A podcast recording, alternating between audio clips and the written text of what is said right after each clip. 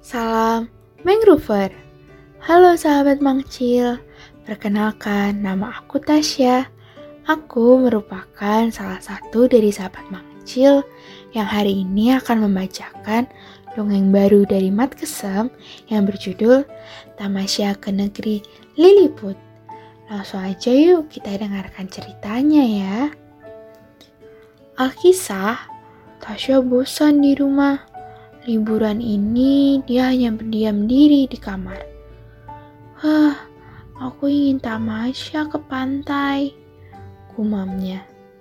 Hei, ada sinar dari lemari bajuku, katanya kaget.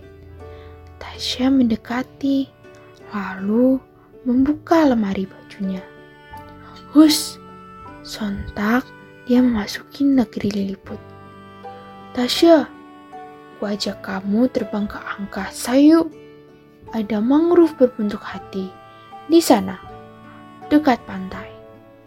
Kata Isnan si kurcaci. Tasya kegirangan. Mereka lalu terbang dengan sayapnya. Wah, asiknya Tamasya.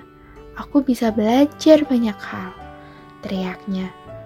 Saat senja, Tasya kembali ke kamarnya. Dia tersenyum puas.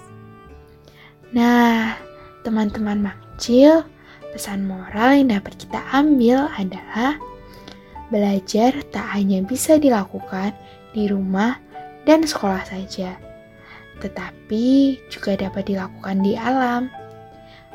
Jangan lupa tamasya ya.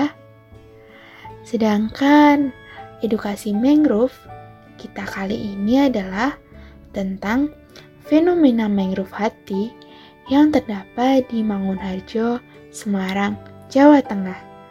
Vegetasi tumbuhan mangrove yang terlihat seperti hati apabila dilihat dari atas tanah ini memang sengaja ditanam oleh warga sekitar untuk menarik minat banyak orang.